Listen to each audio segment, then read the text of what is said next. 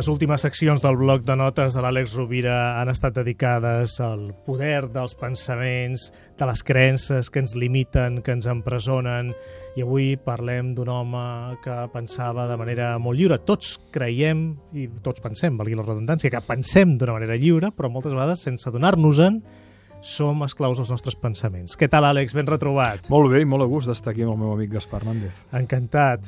Llàstima que tinguem poc temps, eh? Bé, però l'aprofitem. doncs Krishnamurti, parlem de Krishnamurti, d'aquest home que era lliure, en majúscules. Eh, N'hem parlat moltes vegades en diferents programes de l'Ofici de Viure d'aquest home nascut a la Índia, adoptat als 13 anys per un membre de la Societat Teosòfica i en un moment determinat de la seva vida um, provocador i generador, jo no diria que d'un pensament, sinó d'una llibertat, perquè és que el, el que fa a Krishnamurti absolutament original és la llibertat, la frescor, la radicalitat eh, essencial del seu pensament.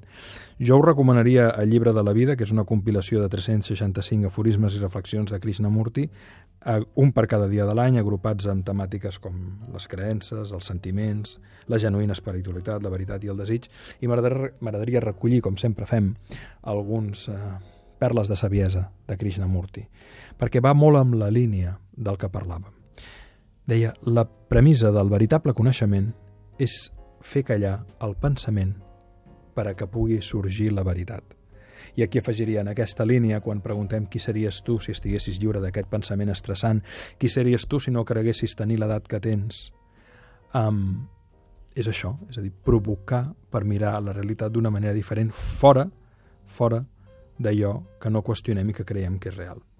També deia aquest home bo i lúcid, per assolir la saviesa no cal acumular coneixements. Precisament el que cal és alliberar-nos d'ells perquè allò que és nou pugui entrar sense condicionaments ni expectatives.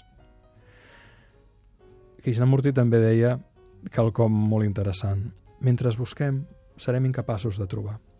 I aquí afegiria jo perquè quan hi ha un buscador, és com la gent que busca la il·luminació. Fa de si un objecte i de la il·luminació un objecte. I un objecte és difícil que trobi un objecte. En realitat el que cal deixar és de buscar, precisament per adonar-nos que probablement ja tenim allò que estem buscant, ja ho som, eh, aquella serenitat, aquella tranquil·litat. El que passa que amb la nostra cuita mental estem tapant amb pensaments i amb ansietat la font de la que mana tot. També deia Krishnamurti, l'autoritat perverteix tant el deixeble com el mestre. Cada qual és el seu propi mestre i el seu propi llibre. Mm fent referència a quelcom que tu coneixes molt bé i has tocat en els teus magnífics llibres, que és el mestre interior. I finalment una frase preciosa que la vam, la vam dir ja una vegada i que recordo que et va agradar molt.